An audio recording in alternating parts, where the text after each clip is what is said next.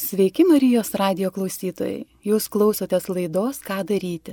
Ir šį vakar mes vėl pasikalbėsime autizmo tema. Studijoje svečiuojasi mama Roma bei vašai augų kartu vadovė Paulina Kuraitinė, laidą vedu aš Jurgita Pocevičiane. Klausytojams noriu priminti, kad tai jau penktoji ciklo apie autizmą laida. Visus įrašus galima rasti Marijos radio internetinėme puslapyje marijosradijas.lt. Besiklausant mamų auginančių autistiškus vaikus pasidalymo, ta nelengva kelionė, kurios jos neužsisakė, neplanavo, bet kuri tiesiog ištiko, girdisi, kaip per tuos sunkumus atrandami ir vertingi dalykai, kaip prasmė, kantrybė, tikėjimas.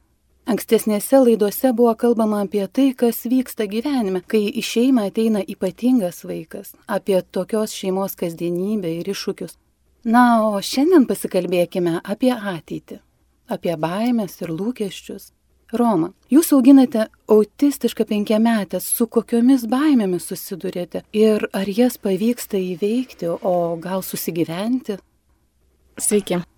Jeigu žiūrėt į ateitį, tai turbūt tokia labiausiai apimanti baimė tai yra, ar dukra galės gyventi savarankišką gyvenimą, ar jinai galės, nežinau, susikurti savo namus, turėti darbą, save išlaikyti, ar tiesiog visas gyvenimas bus, sakykime, susijęs su mums, su tėvais.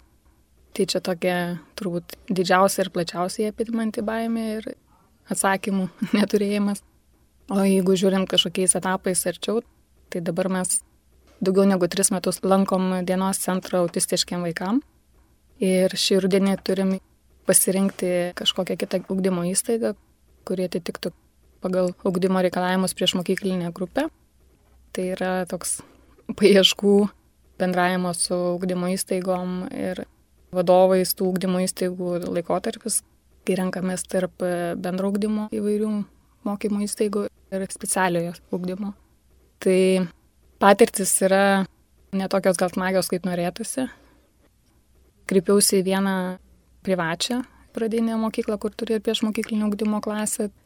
Tai liktai toks buvo lūkestis, kad vienok ateiname su lėšomis ir už vaiko ugdymą bus mokama. Dėja, bet iš direktorės kalbos ir neslėpiamo požiūrio buvo, kad tiesiog ar jūsų dukra netrukdys kitiem vaikam mokintis. Atrodo, iš esmės tai jūs labiau norėtumėte į bendrojo ugdymo, ar ne? Nespecialiojo. Gal galim palyginti, Paulina, kuom skiriasi bendrojo ūkdymo įstaigos vaikui, kuris turi raidos sutrikimą, ir specialio ūkdymo. Galbūt kiti tėvai sako, kad specialio ūkdymo yra geriau jam, nes tai yra viskas pritaikyta vaikui, ar ne? Šiandien dieną iš tiesų turim tokią situaciją, kad specialio ūkdymo įstaigos, jos tiesiog yra pasiruošusios priimti vaikus su įvairiais poreikiais. Dėl to daug specialistų, mažesnės klasės, kas autistiškiam vaikam yra gana svarbu. Arba tos klasės tam tikrą prasme pritaikytos bent jau kažkiek. Tai matome tokį pasiruošimą specialiųjų ugdymo įstaigų primti įvairaus tokio spektro poreikių vaikus. Kas vyksta su bendro ugdymo mokyklomis, iš tikrųjų yra tam tikri gražus dalykai, sakyčiau, gal svajonės susijusios su ugdymo, bendro ugdymo mokyklose, bet šiandien dienai labai nedidelė tų svajonių dalis, kaip įtrauktis, kažkoksai vaiko prieimimas, gebėjimas atliepti įvairius poreikius, tai vis dar yra ateitis, sakyčiau, dažnu labai atveju. Yra keletas mokyklų išimčių ir, sakyčiau, neblogai tvarkosi, tikrai priklauso ir nuo vadovo, nuo personalo. Na, iš tokio personalo atvirumo bandyti ieškoti išeičių ir žiūrėti, kas padėtų vaikui. Tikrai vaikai, kurie turi kažkokių specialiųjų ugdymosi poreikių, jie atneša tam tikrą reiklumą personalui. Jie reiklus ta prasme, kad neleidžia mums savo tekėti tokia įprasta vaga. Ir dėl to tarsi iš vienos pusės tikrai nepatogu. Nes reikia keistis, kažką pritaikyti, kažką naujo sugalvoti, kažką dabar kitaip daryti, negu dariau gal 10 metų, 5 metus, 20 metų. Tai galim įsivaizduoti, kad normalu, kad žmonės pamastė apie tai, kad reikia kažką keisti, jie labiau linkia nekeisti, nes nežino, kiek tai pareikalaus.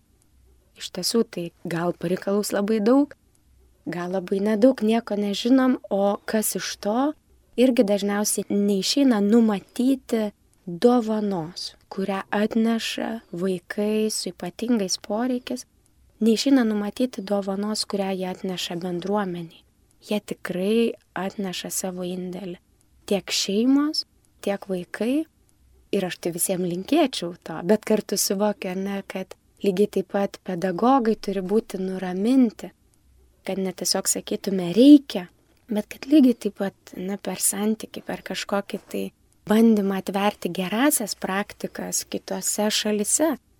Nežinau, nuo Amerikos iki Naujosios Zelandijos. Tikrai traukusis ugdymas yra visur ir tų gerųjų patirčių yra begalė. Ir mes tiesiog galime žiūrėti, kas vyksta ir kokiu principu tai gali vykti. Truktis yra procesas ir ne kažkokia destinacija ne kažkoksai tikslas, į kurį mes atėję galėsim ramiai gyventi visi. Mes turime pasiryšti procesui, kuris nuolatos mus keičia. Žmonės moka begalę pinigų, kad įeitų kažkokį kontekstą, kuriame jie galėtų tobulintis ar neįraukti kaip asmenybės. Čia va štai turime tokį gana natūralų kontekstą, kuris toks reikalingas ir tikrai labai keičiantis bet ką, kas jame dalyvauja. Nes tai yra reiklus procesas, tikrai nelengvas ir, sakyčiau, labai dosnus kiekvienam, kuris į tai įsitraukęs. Aš klausydama tavęs, Paulina, prisimenu patį augimą, kad tai yra tas procesas, kuris niekada nebūna, na, labai paprastas, jis būna skausmingas, gan ar ne, dar kitą kartą, bet jisai duoda nuostabių vaisių. Tai Roma, galbūt jeigu pradėtume dalintis ir su kitais tėvais, tarkim, apie tuos augimo vaisius, nes jūs augindamas savo vaiką, tarp kitų, tai yra vienintelis. Vienintelis. Mhm. Tai jūs paaugote ir jūs galite tuo pasidalinti su tais, su kuriais bendraujate, nes, na, tai tiesiog labai natūralu yra, labai žmogiška. Bendrauti, dalintis, nes pedagogams ko aš suprantu, trūksta laiko, trūksta energijos, trūksta pažinimo ir tų žinių irgi kažkiek tai ar netrūksta. Taip, tas tikrai yra viskas suprantama ir aš tikrųjų, kai kalbuosi su kitom mergim mokyklom, tai aš ir sakau, aš galiu netgi padėjėjom ar auklėtojom kursus galbūt, nu, nes, sakykime, aš suprantu, kad reikia žinių, kad aš tiesiog pati galėčiau paimti ir apmokėtumėmės tos kursus, kad tas suaugęs žmogus dirbantis su autistišku vaiku, kad jis žinotų, tai kaip reaguoti, kaip padėti, kada nekreipdėmėsio, kada nukalbėti, kada nukreipti temą, o kada galbūt pastovėti su pozicija, bet gražiai pastovėti tiesiog nesupykčiu ir nesuprievarta, bet atkakliai laikyti savo pozicijos. Tai aš galvoju, kad vis tik reikia surasti tą žmogų, kuris norėtų to.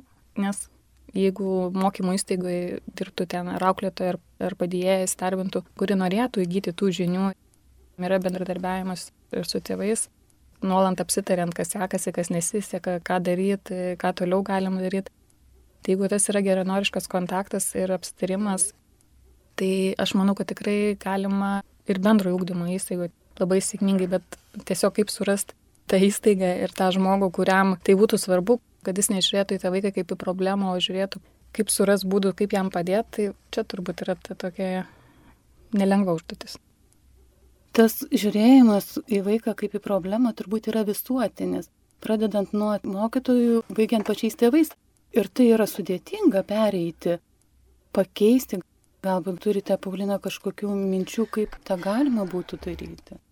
Aš tai mąstau apie tai, kad šitie procesai prasideda gan anksti. Jeigu mes kalbam apie negalę, tai mes galim ją žiūrėti iš tokių tarsi dviejų perspektyvų. Jeigu mes galvom apie negalę iš medicininės perspektyvos ir dabar yra toks dažniausias požiūris į negalę, tai mes tada einame taisyti. Tarsi vaikas savyje turi nepavykusius elementus, Nu ir va dabar problema, ar ne, kaip čia dabar negerai, jis turi tokią negalę, to nedaro, to nedaro, to nedaro, net tas mediciniškas.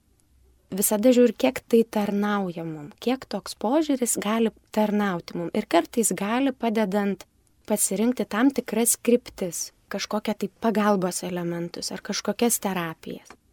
Bet kalbant apie įtrauktį, apie mokyklų pasiruošimą, netgi sakyčiau, klasė nėra tik tai mokytojas.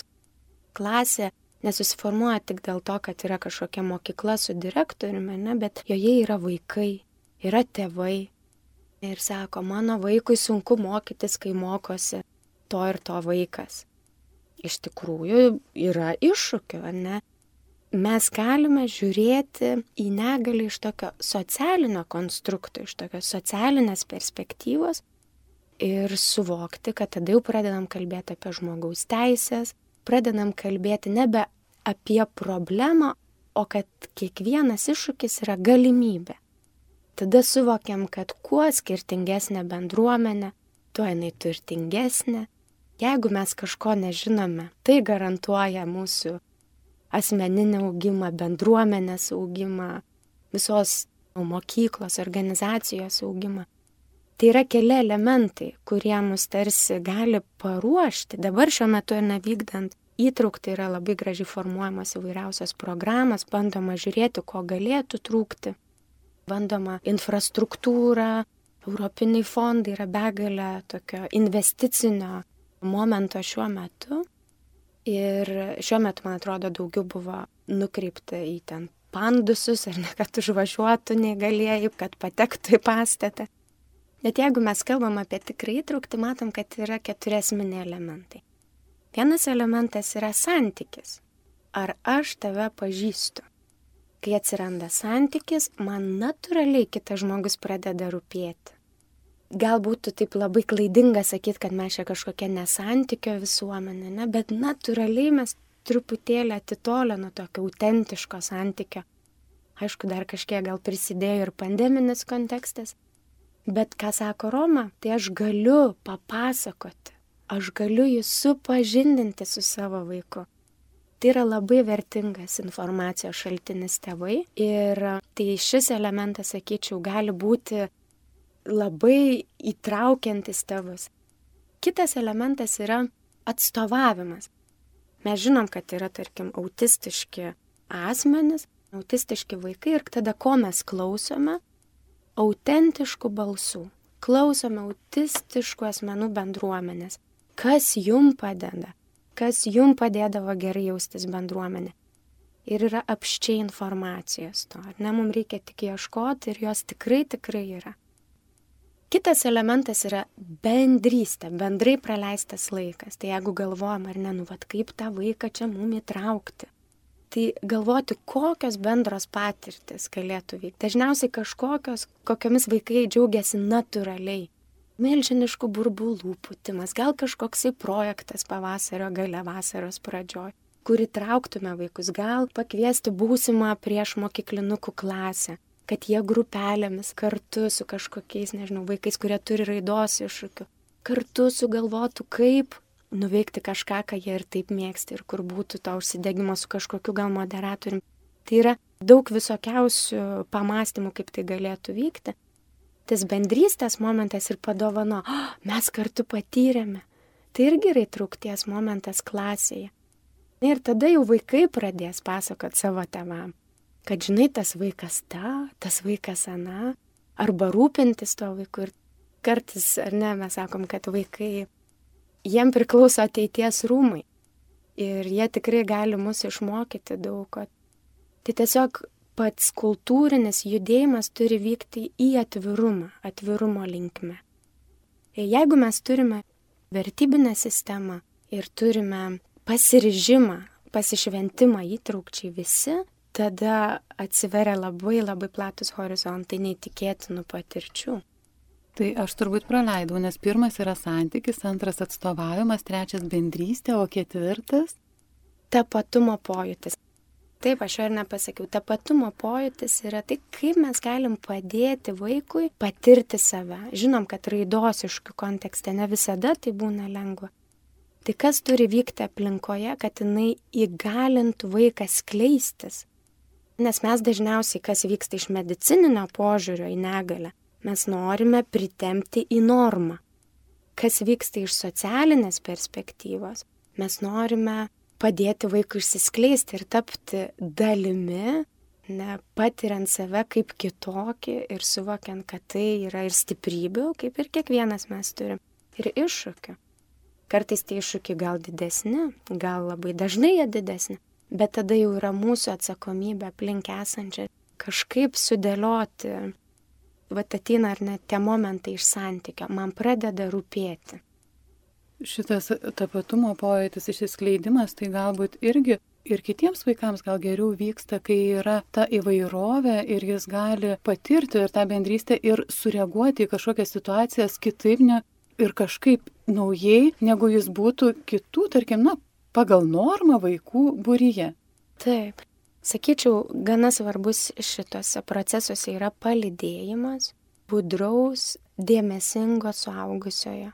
Naturaliai procesai ne visada vyksta tą linkme, kurią mes norėtume, Bet jeigu mes turime tam tikras ugdymo vertybės ir budrų pedagogą šalia, kuris nebando visus sureguliuoti, o tikslas yra palydėti vaikus į tą savastį, tuomet taip galvojam apie tam tikrą sėkmę tokio bendramžių momentų. Tai atradimai gali būti visiems. Roma, apie baimės dar, na, taip ištryskime pasakyti apie tas baimės, ateities tas baimės. Tai dabar jūsų laukia tikras iššūkis. Aišku, tie baubai, jie visų pirma gyvena galvoje, ar ne, nuogastavimai, bet kita vertus eini konkrečius žingsnius, darai ir susiduri su realybė, kuri arba patvirtina tuos baubus, arba paneigia. Tai šiuo atveju, kaip suprantu, ieškant prieš mokyklinio ūkdymo, kol kas baubai pasitvirtina, ar ne? Gal nėra labai teisinga sakyti, kad ir tris mokyklas aplankys, turbūt nelabai objektyvu yra sakyti, kad nėra tos nesaugios vietos bendraugdymo mokykloje, bet tiesiog matyti, va tai ne savo keliu ir ką sutinkit pagal tai ir tą nuomonę. Aš dar neprarandu vilties, tiesiog, kaip sakyt, sauguostą bandėm užsidėti ir vis tiek iš tikrųjų pateikėm dokumentus ir į specialią ūkdymo įstaigą, kad nelikt kažkokioje nesaugioje ir, ir, kaip sakyt, priverstinai, kuris įsprausim kažkur vis tiek turėsim lankyti. Tai tą sauguostą Rezervavom. Užsirezervavom. Ir toliau tiesiog bendraudama, įdama ir specialistus, ir įvairiai, ir per kursus, ir ten, kur einu, kur tiesiog natūraliai reikia įti dėl fiziologinės pagalbos dukrai suteikimo, tai tiesiog visur kalbės ir jeigu atsiras galimybė ir kažkas pasakys, o žinokit, aš žinau žmogų, kuris galėtų, vat, jūsų mergaitę pagloboti ir ją padėtų ugdyti, tai aš tik tai visada už. Jeigu ne šiais metais, tai kitais metais, tai pirmą klasę, jeigu ne pirmą, tai antrą, nu, arba po pradinės. Kodėl vis tiek norėtųsi bendro ugdymo, nu, vis tiek tu svajoji, kad baigs vidurinę, kad įstos universitetą, kad galės kurti savo gyvenimą, tai vis tiek visada bandai užsikabinti už to inkaro. Ir... O gal pavyks, jeigu ne šiandien, gal rytoj, jeigu ne rytoj, tai gal po rytai. Tai tiesiog taip lygiai grečiai su baimėm ir gyvenam. Mm. Bet čia labai natūralus noras, aš galvoju, visi tėvai svajoja užauginti vaikus. Ir tikslas toks padaryti vaikus savarankiškais, kad jie galėtų gyventi taip, šiame pasaulyje, kai, na, mūsų kažkuria taip, diena ims taip, ir neliks. Taip. Irgi tokia iš tų didesnių baimių turbūt visų, visų tėvų, kurie augina autistiškus vaikus, tai seneliai nėra jau taip jauni, tai bandai numestas tas mintis kažkokią sudėliot schemą saugias, kad neliktų vaikas gatvėje, bet tiesiog dėlioji tas, kas priklauso nuo tavęs, o toliau vis tiek jau daug ir nu, natūraliai, kaip dėliosis ir kaip Dievas duos. Kad mes nekalbėtume vien apie baimės, dar užsibrėžėme horizontą tokį, kad e, pakalbėti dar ir apie lūkesčius. Tai ko norėtųsi, ko tikėtųsi tiesiog iš žmonių, iš aplinkinių ar tuo instituciniu lygmeniu, kad vyktų kokie procesai, kurie galėtų padėti, padėti tėvams auginantiems raidos sutrikimus turinčius vaikus. Tie tokie draštiški sprendimai įstatymų, sausų, gal sakyčiau, truputėlį lygiai, lyg tai jie yra priimami, bet ar tam yra skiriamas toks, nu, realus dėmesys, ar yra paskiriamas realus finansavimas, dėliojami tikrai veiksmų planai, kad aš turiu vainį, kad tiesiog yra priimtas vyriausybės nutarimas, kad nuo 2024 metų liktai kaip ir visi specialiųjų poreikių vaikai turėtų galimybę eiti į bendrų ūkdymo įstaigas mokintis. Bet tam nėra realaus vykdomo pasiruošimo, nes liktai jau girdisi iš kai kurių mokyklų, kad specialiosios grupės e, yra naikinamos, kur yra, sakykime, specialiai pedagogai, kur yra padėjėjai, psichologai, lokopedai ir, ir kita pagalba, o lygiai grečiai nėra kuriamo. Visas tas turėtų turbūt perkelta būti į bendrą ūkdymą ir turėtų būti ir specialiųjų pedagogų ir padėjėjų ruošiama komanda, nes tiesiog turbūt per porą mėnesių tų specialistų neatsiras ir jų iš niekur nesusikurs, tai jau turėtų būti, sakykime, likus trim metam, tai jau tie procesai jie turėtų būti prasidėję ir turėtų būti parengimas prasidėjęs. Tai liktai atrodo, dokumentai yra įrašyta, ne, kad vat, mes čia 24 metais priimsime visus specialių poreikių vaikus, bet realiai pasirengimas tam nevyksta ir tada tik dar baisiau darosi, nes jeigu, sakykime, klasėje būtų kokie trys ar keturi, penki specialiųjų poreikių vaikai ir jie gali būti su skirtingais poreikiais. Vienas autistiškas, kitas turintis Dauno sindromą. Trečias galbūt kažkokie regos ar klausos sutrikimų ir tam reikia tikrai ir žinių, ir specialistų, ir pasirengusių suaugusiųjų. Ir tai nepasidarys per trumpą laiką, o kad tokie realūs pasirengimo darbai vyktų, tikrai nesigirti ir tai tikrai neramina. Paklauskim Paulinos, čia kaip žuvis vandenyje. Ir galbūt jinai girdėjo apie šitos pasirengimus. Gal mus čia nuramins labai. Aš žinokit, nesu žuvis vandenyje, nes tiesiog dirbam tokiam tarsi privačiame sektoriuje. Bet taip, iš tikrųjų tai yra labai gilus, labai kompleksiški procesai turi pradėti vykti, manau, turėjo pradėti vykti gal praeitie, nes mes kalbam apie mokymosi programų visišką perkeitimą. Mes kalbam apie tai, kad kiekvienoje mokykloje turėtų dirbti vaiko raidos komanda. Nes jeigu mes kalbam apie raidos iššūkius, tai nekalbam apie tik tai konkrečius įgūdžius, gebėjimus. Mes kalbam, kas turi vykti, kad jo raidai padėtume.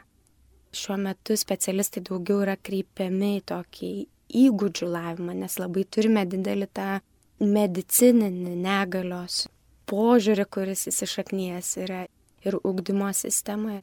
Kaip pataisyti tai, ko jisai nedaro. Mes turėtume labiau galvoti, kaip sukurti aplinką, kurioje tam tikri iššūkiai galėtų būti sprendžiami. Ir mes kalbam apie pamatinius raidos procesus, Tai taip į raidą orientuotų specialistų Lietuvoje aš irgi nerandu, nes labai norėčiau, kad jie būtų mano pagalbininkai mūsų darbe.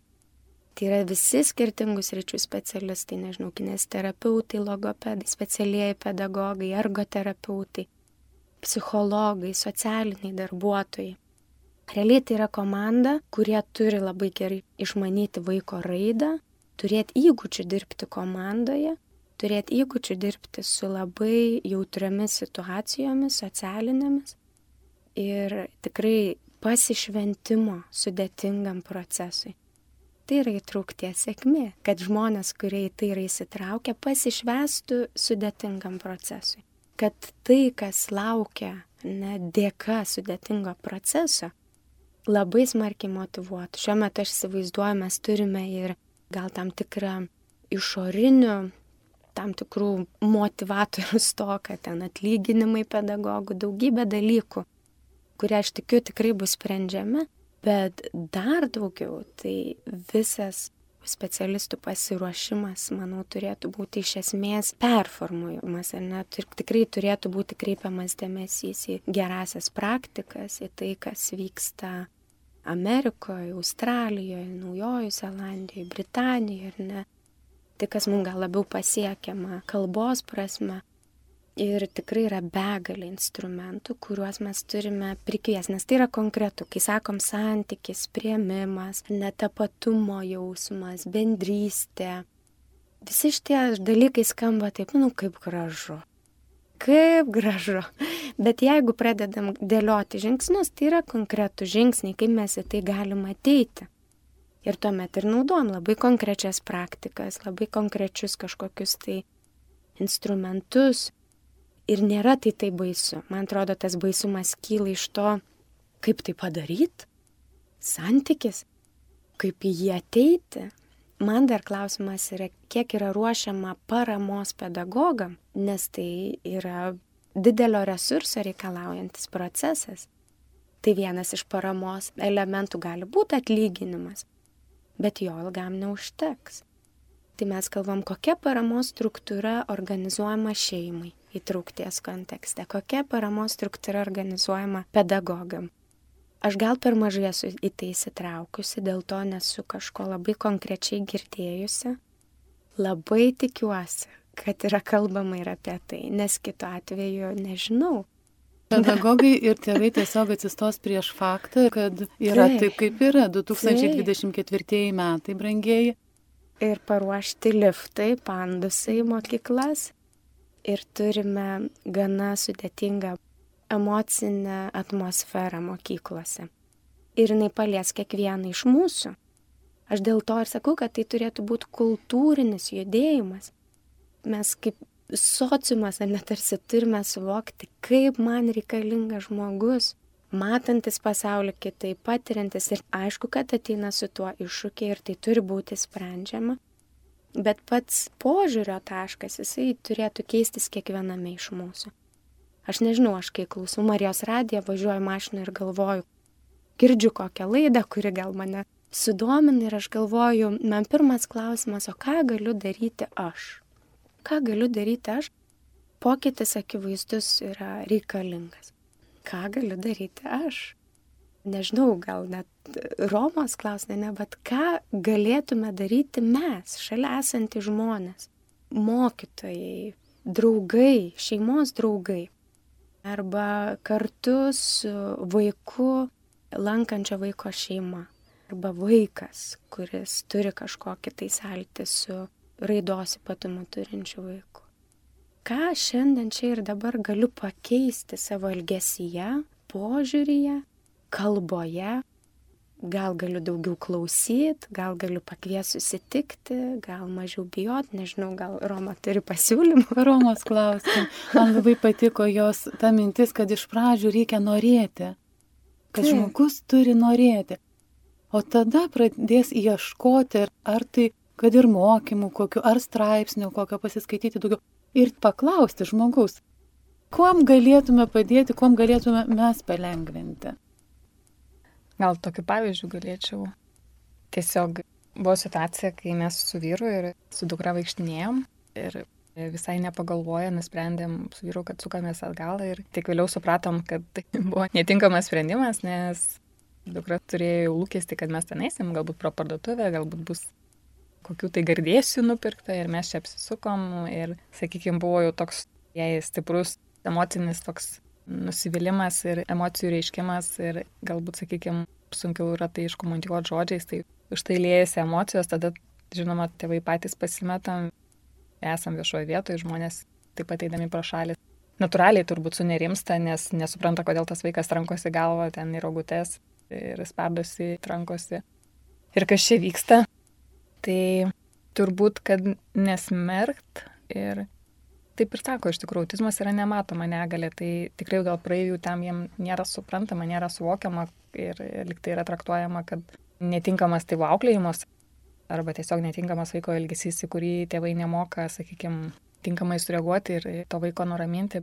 Dažnu atveju tai būna tikrai labai sudėtinga. Tai turbūt nepasmerkimas jau būtų labai neblogas žingsnis. Nekritikavimas, žodžiu, jau būtų antras neblogas žingsnis. O galbūt tiesiog draugiškas pagalbos pasiūlymas ar šypsena draugiška, tai jau būtų visai neblogai pradžiai. Tikrai šitas jau būtų toks, tu gautum pastiprinimą, o ir pats turbūt labiau sumobilizuotum, nes kartais tu jautiesi, kad dar tu turi gintis ir, sakykime, nuo šalia esančių žmonių kritikos ir vertinimų. Tai tu sprendi vaiko iššūkius, bandai viduje susitvarkyti ir dar kartu bandai atstovėti savo pozicijas prieš šalia esančių žmonės, kurie galimai ne iš piktos valios, bet turbūt tiesiog iš nežinojimo, iš nesupratimo sureaguoja dažnu atveju ne kaip su geranoriška pozicija, o kaip su kritika. Tai aš įsivaizduoju tokioje situacijoje, visų pirma pagalvoju, ačiū Dievui, niekas nemato. Taip. Nes jau tos pagalbos geranoriškumo iš aplinkinių jau ir nesitikė tikrai, bet va kaip girdžiu, tik tais kokia pagalba nedaryti blogo. Tai jau būtų tai iš tikrųjų pradžia, nes tau liktų tik tai du sprendimo, kaip sakyti, uždaviniai, liktų mm. vaikas ir tau pačiam susitvarkyti, o bent jau vienas nusimtų, kad tu dar turi aplinkiniam praeiviam, sakykime, pasiteisint ir kažkaip.